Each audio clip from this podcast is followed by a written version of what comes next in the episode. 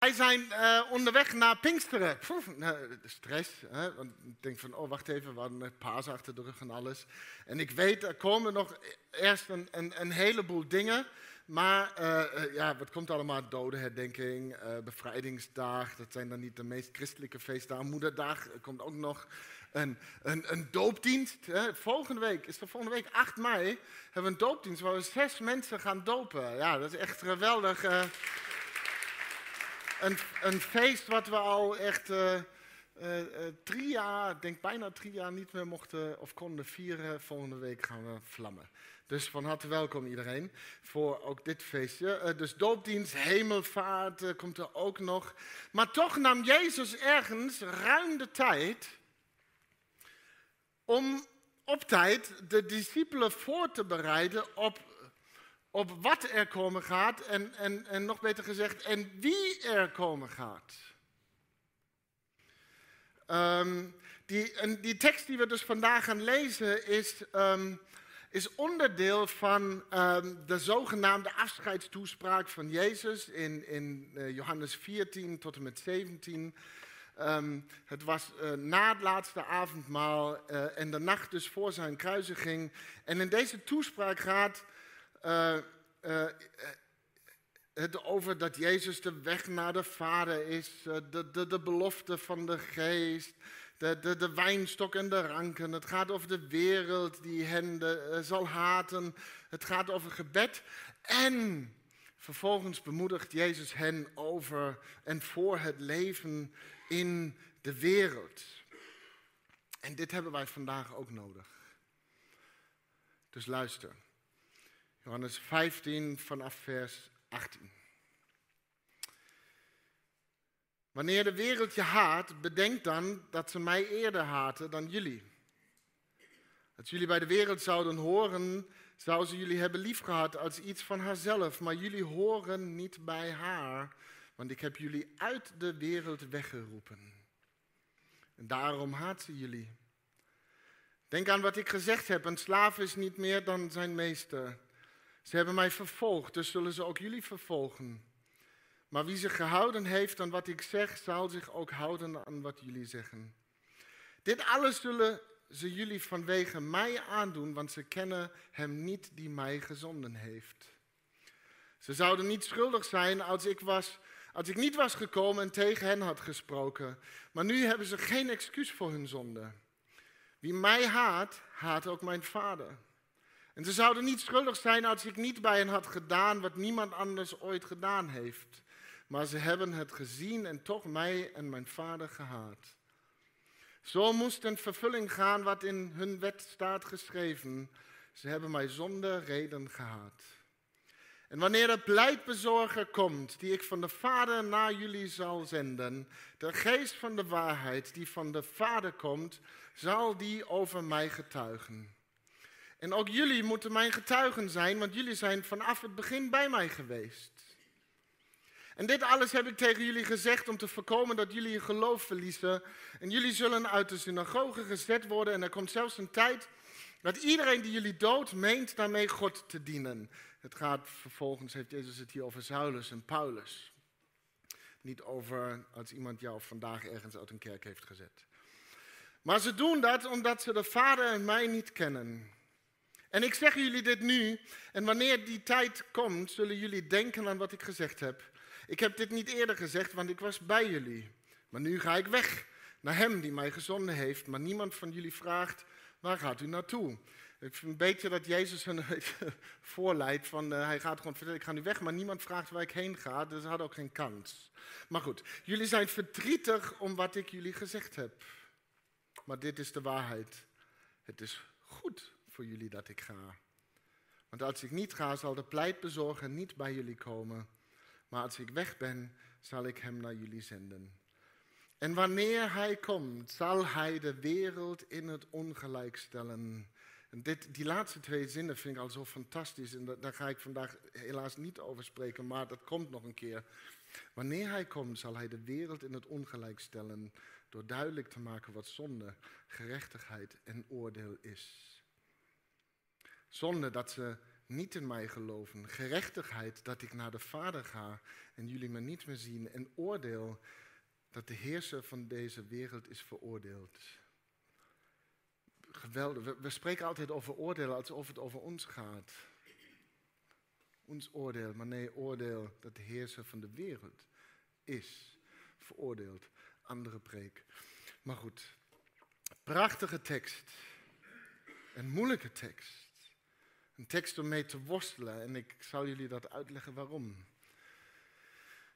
Als we nadenken over kerk, dan hebben we allemaal zo vanuit onze bubbel waarschijnlijk. Ehm, kijken we allemaal op verschillende manieren tegen de kerk aan. De, de kerk als dit, dat. Bijvoorbeeld een van de manieren is dat de kerk uh, vaak gezien wordt als een grote evangelist in de wereld.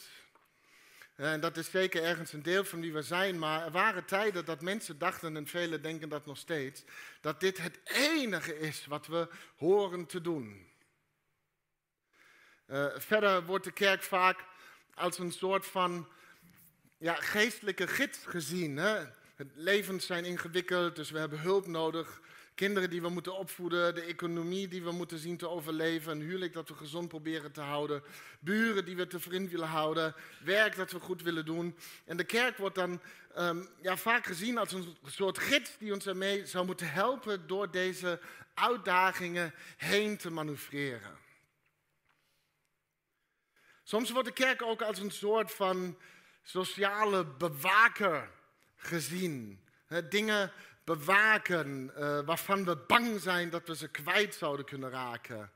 moraliteit, cultuur, traditie, waarden en normen.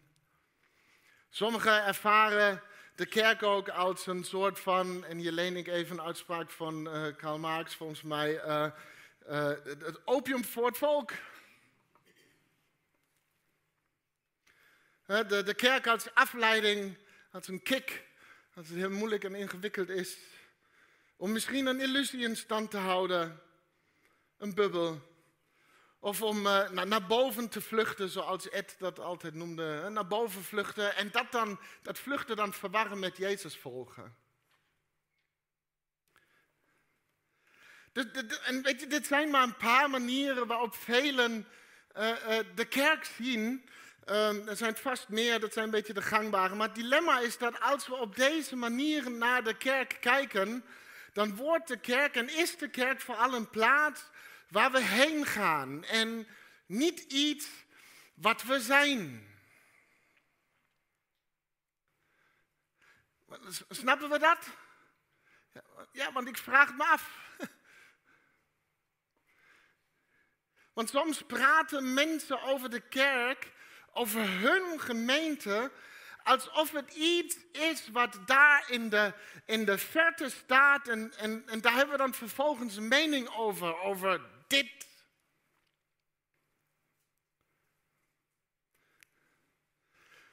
Maar realiseren we ons dan ook dat we op deze momenten eigenlijk juist heel zelfkritisch zijn. Als iets niet bevalt, spreken we graag over de kerk alsof we er niks mee te maken hebben. Maar meer dan alles andere ben jij de kerk. Kerk is iets wat wij zijn. En we komen dan dus ook op zondag niet bij elkaar om een plaats te vieren waar we heen kunnen gaan.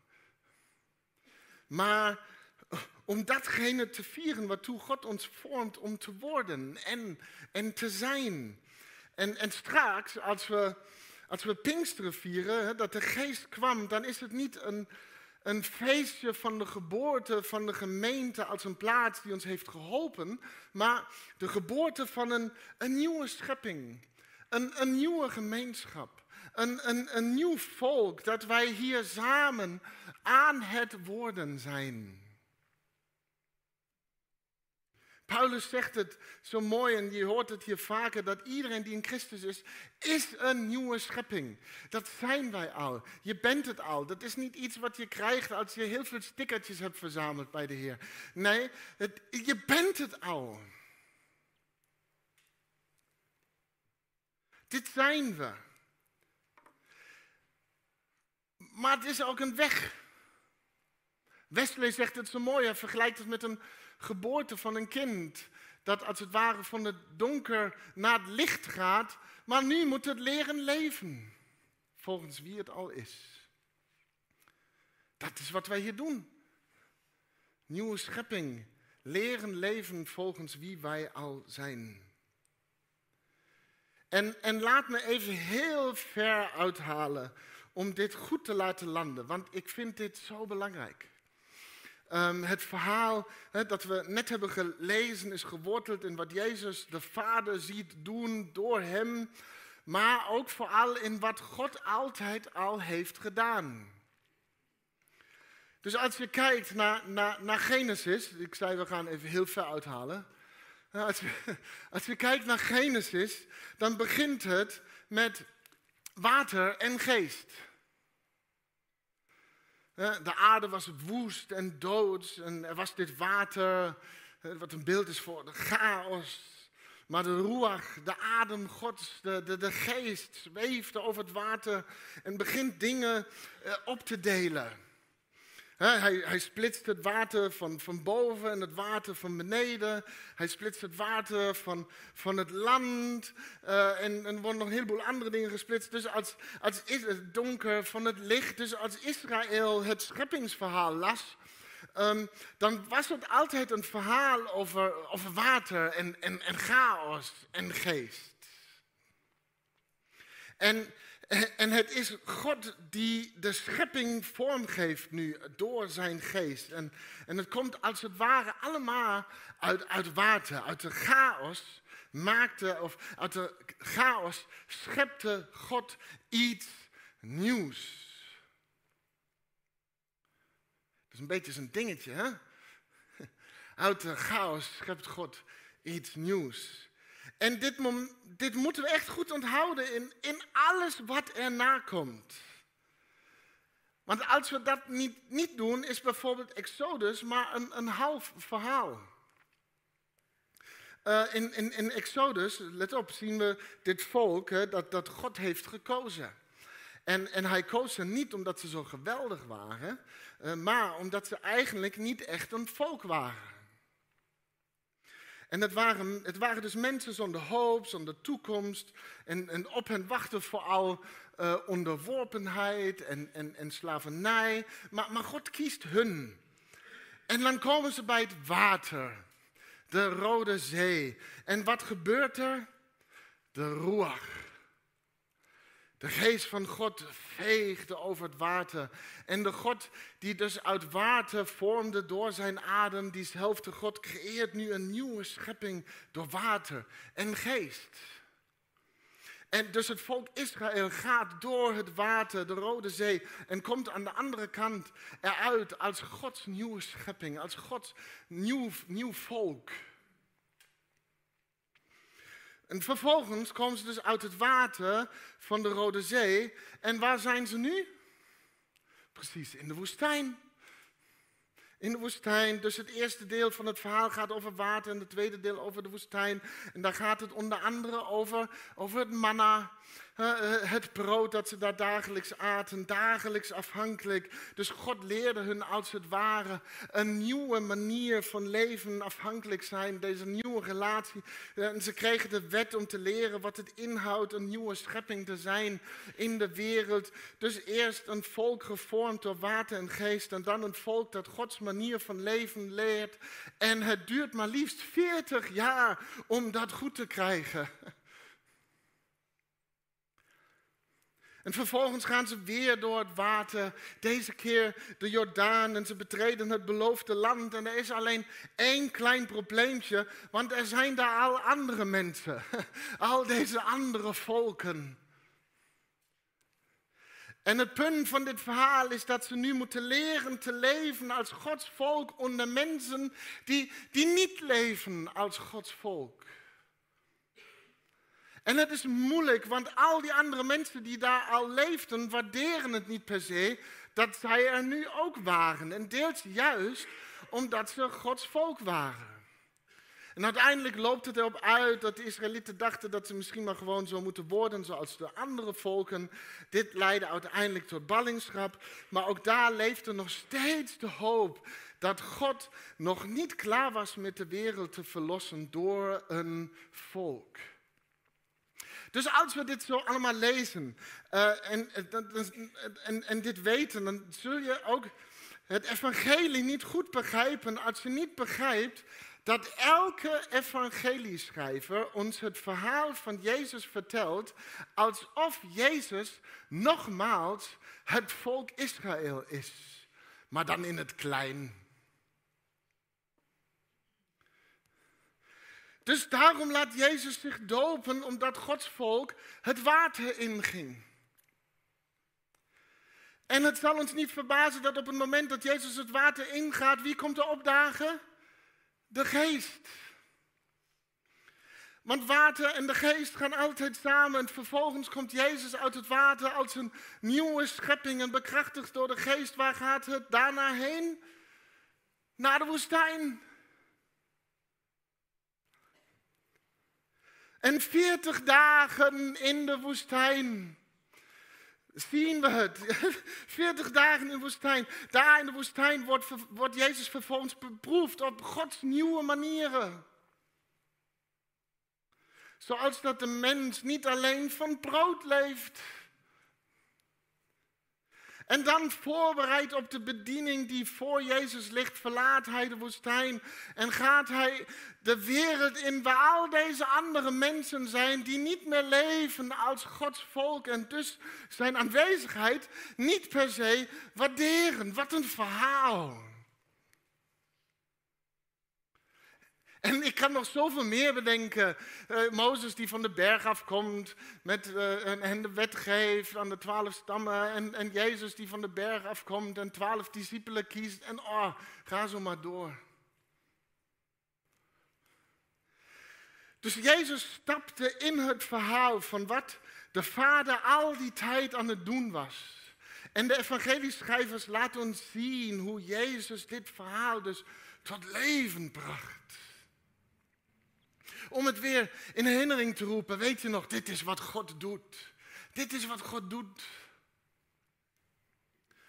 In het Johannesevangelie zien we dan ook al deze verschillende elementen hier en daar terugkomen. Drie keer laat Johannes hier voor het Pesachfeest langskomen. De eerste keer is dat in hoofdstuk 3. Uh, daar zien we Jezus die, die Nicodemus ontmoette. En Nicodemus vroeg wat hij moet doen om het eeuwige leven te krijgen. En Jezus zei dus dit, werkelijk, ik verzeker u, niemand kan het koninkrijk van God binnengaan tenzij hij geboren wordt uit water en geest. Jezus zegt als het ware tegen hem, je moet een nieuwe schepping worden, opnieuw geboren. Vanaf hoofdstuk 6 gaan we de tweede keer Pesachfeest in, in Johannes. En hier vinden we een licht kannibaalse tekst, want Jezus zegt, jullie moeten mijn lichaam eten en mijn bloed drinken. Want zo zegt Jezus, ik ben het brood dat, dat leven geeft. Het is net zoals in de woestijn met al dat manna waar Israël leerde wat het betekende Gods volk te zijn. En, en, en echt gewoon te zijn. Dus niet alleen over nadenken, maar het als het ware dus verinnerlijken. En dan in hoofdstuk 13 komt het Pesachfeest voor een derde keer langs. Het begint met Jezus die de voeten wast van de discipelen om duidelijk te maken wat ze, als ze straks dan de wereld ingaan, wat ze daar dan gaan doen. En het is heel simpel. Jij zegt en laat zien, ga dan en hou van mensen. En dan zegt hij vervolgens, ik heb een voorbeeld gegeven, wat ik voor jullie heb gedaan, moeten jullie ook doen. En dan in hoofdstuk 15, onze tekst voor vandaag, komen we dus bij het moment dat Jezus zegt, ik ben straks weg jongens, mijn tijd hier is bijna voltooid.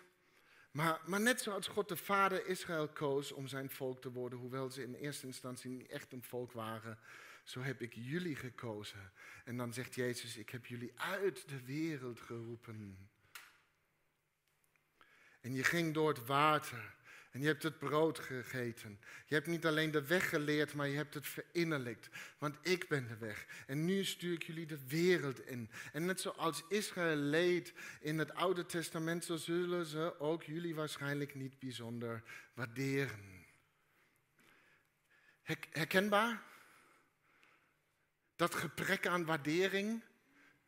En dan bedoel ik niet je persoonlijke issues, maar je gebrek aan waardering dat je een kind van God bent.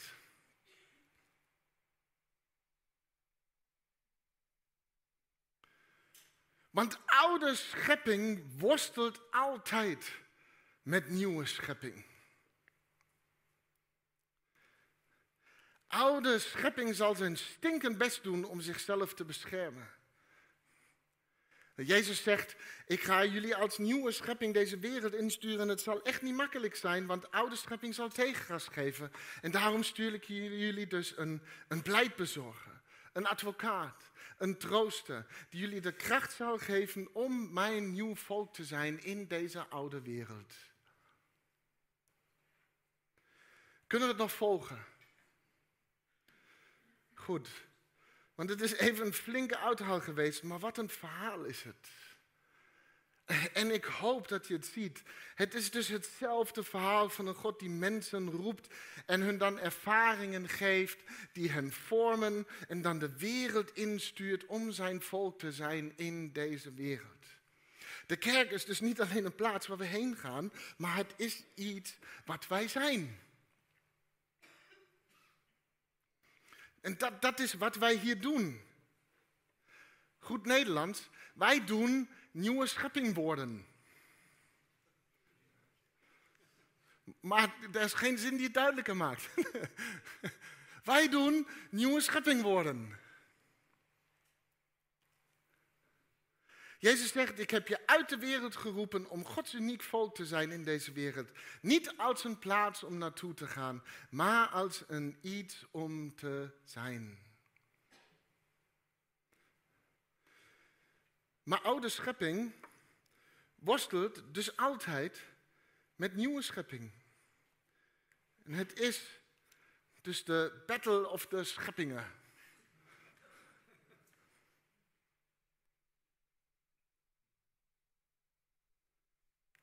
De strijd der scheppingen. Ik vond het oudbollig, dus ik heb hem maar Engels gehouden. Onze oude mens zal, zal altijd kampen met deze nieuwe schepping. Zowel oude mens daar hè, in de wereld, met nieuwe mens hier in de kerk, uh, maar ook uh, oude mens hier en, en nieuwe mens hier.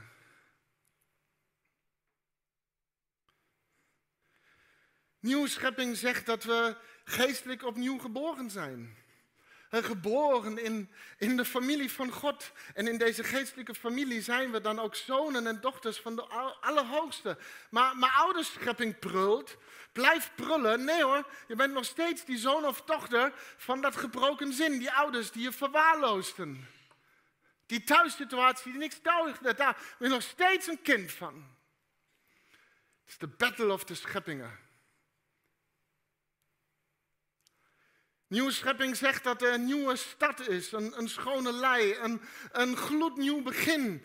Maar mijn oude schepping blijft je treiteren. Nee hoor, die, kun je echt vergeten. Kijk dan maar even goed wat je allemaal met je meesleurt. Er zijn geen nieuwe beginnen, alleen maar oude lasten. Het is de battle of de scheppingen. Nieuwe schepping zegt dat je een nieuwe identiteit in Christus hebt gekregen, maar oude schepping blijft roepen. Wacht even, dat, is te mooi om waar te zijn. Je bent nog steeds die onzekere, bange, impulsieve, roekeloze, liefdeloze of wat dan ook die je altijd was. De battle of de scheppingen. Nieuwe schepping zegt dat je bondgenoten hebt in de hemelse gewesten en in je geestelijke familie hier. Maar oude schepping blijft je doen geloven dat je het allemaal alleen moet doen. Dat is de battle of de scheppingen. Nieuwe schepping zijn betekent dat je, dat je betere keuzes hebt. Je bent niet langer veroordeeld om maar te kiezen uit de gebrokenheid. Maar, maar oude schepping zegt dat je helemaal geen betere keuzes hebt. Gewoon, dat is het gewoon. Je bent gebroken, dat zijn je opties. De battle of de scheppingen. Nieuwe schepping zegt dat je volwassen kan worden, emotioneel, geestelijk, moreel, relationeel, sociaal. Maar oude schepping zegt, die, zegt die onvolwassen mens, ja, wacht even, zo ben jij gewoon. Zo ben jij gewoon. Doe maar geen moeite. Zo ben jij gewoon. En het ergste is nog, we zeggen het zelfs tegen elkaar. Mensen die hier jaren komen en ergens denk je van, hmm, dus ergens zie ik geen verandering. Is het altijd dat hij zo flipt? Is het altijd dat hij zo doet? Is het altijd dat hij zo beledigd is? Zegt dan niemand wat? En iedereen zegt ja, zo is hij gewoon.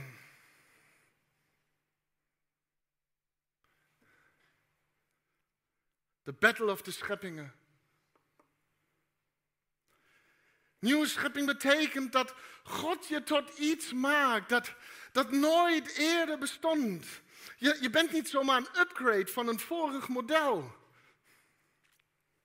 Je bent een gloednieuwe, nooit eerder vertoonde uitgave die de wereld nog nooit eerder heeft gezien. Maar oude schepping blijft maar vinden dat je oude, waardeloze meuk bent. Het is de battle of de scheppingen.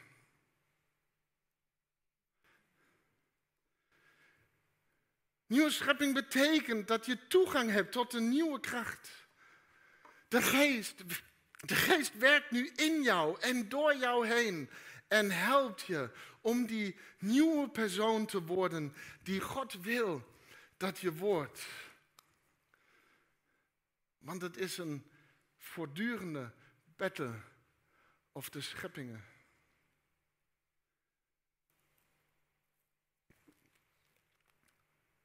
Oude schepping kan de aanwezigheid van nieuwe schepping niet waarderen.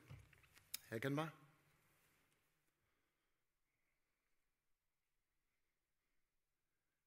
En Jezus zegt dus, ik laat je een pleitbezorger achter, een advocaat. Iemand die voor je nieuwe ik gaat knokken. Ik laat je een trooster achter. Want het zal niet makkelijk zijn, deze betten. En, en, en we hebben deze trooster nodig die, die ons onophoudelijk herinnert aan de hoop van de nieuwe schepping in ons. Weet je, zonder de, de geest zouden we vergeten dat we die oude mens niet meer hoeven te zijn. Dus God kennen is blijkbaar ergens niet genoeg. Maar we hebben die trooster nodig. Velen van jullie zijn uit het water gekomen als nieuwe schepping en vervolgens in de woestijn beland. En je werd beproefd op de nieuwe manieren van zijn, die, die, die werden openbaard als, als nieuwe schepping. En, en sommigen zullen nooit echt de woestijn verlaten. Constant weer beproefd omdat dit nieuwe zich te radicaal afzet van je oude mens. Regelmatig weer komen oude overtuigingen naar boven en fluiten je terug. We, we hebben die trooster nodig. Soms kom ik mensen in de kerk tegen waar ik me met groot verdriet afvraag waar die nieuwe schepping dan is.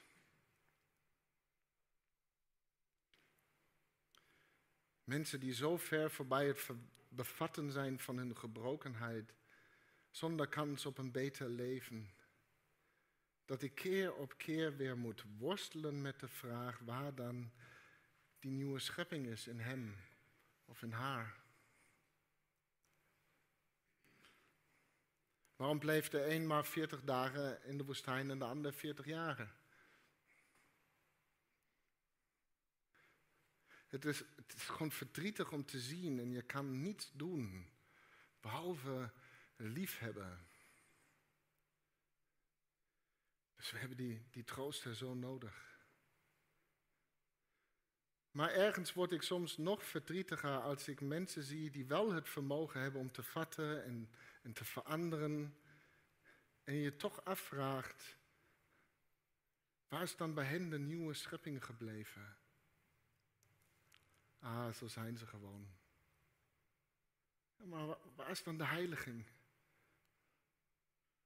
Dat is een vraag waar ik de laatste tijd veel mee worstel. Waar mensen die al tientallen jaren niks anders horen dan de theologie van de liefde en heiliging, met haar constante uitnodiging tot zelfinzicht, groei en genade en, en volwassenheid in geloof. Want dan moet er maar iets, iets gebeuren en die oude mensen is weer klaar wakker. Het is een battle en we, en we hebben die troosten dus zo nodig.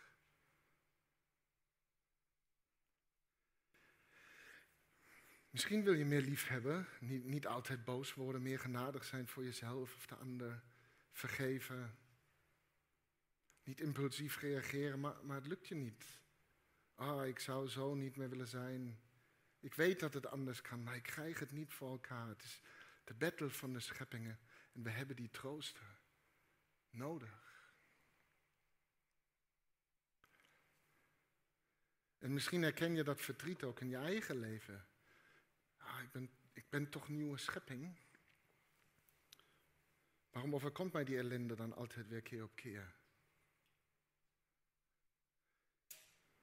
Waarom laat zich die nieuwe schepping dan niet duidelijker zien in mijn leven? We hebben die troosten nodig.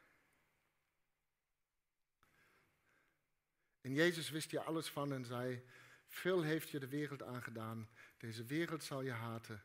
Deze gebroken wereld heeft de oude mens voortgebracht en de oude mens deze gebroken wereld. En Jezus zei, de wereld heeft ook mij zonder reden gehaat. Hij zegt als het er is geen verklaring en toch zal het je kunnen overkomen. Een wereld die zich tegen je heeft gekeerd. Een leven dat de strijd met je is aangegaan. Je oude mens die tegenstand biedt tegen de Christus in jou. Je hebt die pleitbezorger nodig. Die trooster, die bemoedigt als het niet wil lukken. Die advocaat die het voor ons opneemt tegenover de druk van de oude mens. Die verdediger die het nieuwe van God in ons bewaakt. Die strijder die voor je knokt in dit leven als de oude mens zich tegen jou keert. Het is de battle of de scheppingen. En we hebben die trooster nodig.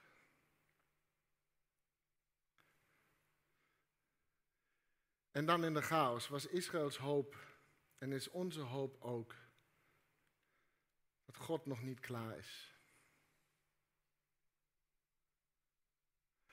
Luister goed, Jezus zegt niet, ik stuur dan een van de zielenmonteur. Uh, uh, en die schroeft het allemaal, die, al die schroefjes die los zijn, ja, die schroeft hij dan weer lekker vast. En dan sta je weer stevig in het leven, zonder geratel in je hoofd. Nee, je zegt, ik stuur je een advocaat. Die samen met jou in de rechtszaak staat. Als de oude mens de nieuwe voor de rechter sleurt en zegt, dit kan niet. Ik stuur die trooster. Die strijder. Die pleitbezorger.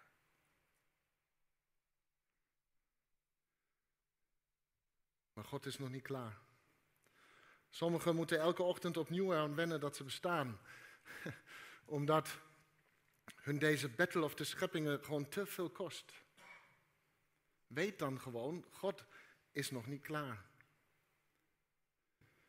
Misschien zie je vol verdriet mensen waar je afvraagt waar dan de nieuwe schepping is. Nou weet dan, God is nog niet klaar. Misschien zie je iemand worstelen met zijn oude mens. De gebrokenheid heeft hem en haar volledig veroverd en er is geen perspectief op verbetering aan deze kant van de eeuwigheid. En dan toch, God is nog niet klaar. Soms keert zich het leven zelfs tegen ons lichaam en blijft herstel uit. En ook dan wil ik dat je vandaag weet dat hoewel de dood voor ons zo definitief lijkt, omdat tot nu toe nog niemand uitgebreid verslag heeft gedaan van wat daarna is. Hebben wij ergens bepaald, daar moet blijkbaar een knip zijn, daar is het voorbij, daar, daar houdt de boodschap van de Bijbel op en begint het oordeel en alles. Dat, dat hebben wij bedacht. Omdat wij de onwetendheid vermijden en we weten niet wat er is, dus klaar. Wij weten dingen, de Bijbel zegt ons dingen. Hier, eh, oké, er zijn heel veel dingen die je niet weet. En in de tussentijd doe wel wat je wel weet. En dat is, ik weet wel dat Jezus Jezus is. En dat Jezus aan het kruis is gegaan. Jezus is opgestaan uit de dood. Dat zijn de dingen die ik weet. Ik weet dat God liefde is. En dan ga ik dat mensen vertellen dat God liefde is. Alles andere zijn theorieën en weten we helaas niet. Maar hoewel wij het niet weten en het voor ons daar ophoudt, betekent niet dat God nog niet klaar is dat God klaar is, sorry. God is nog niet klaar. En hoe weet ik dat? Want het is Gods verhaal. Van begin tot wat ik weet. In de tussentijd heeft Jezus het mij voorgeleefd. We hebben die pleitbezorger, die advocaat, die trooster dus nodig. De geest die ons de hoop geeft om nieuwe schepping te zijn, terwijl we met de oude mens worstelen. We hebben een pleitbezorger, een trooster ontvangen die ons de hoop geeft, dus dat God nog niet klaar is. En uit de chaos schept God door zijn geest iets nieuws. Amen. Amen.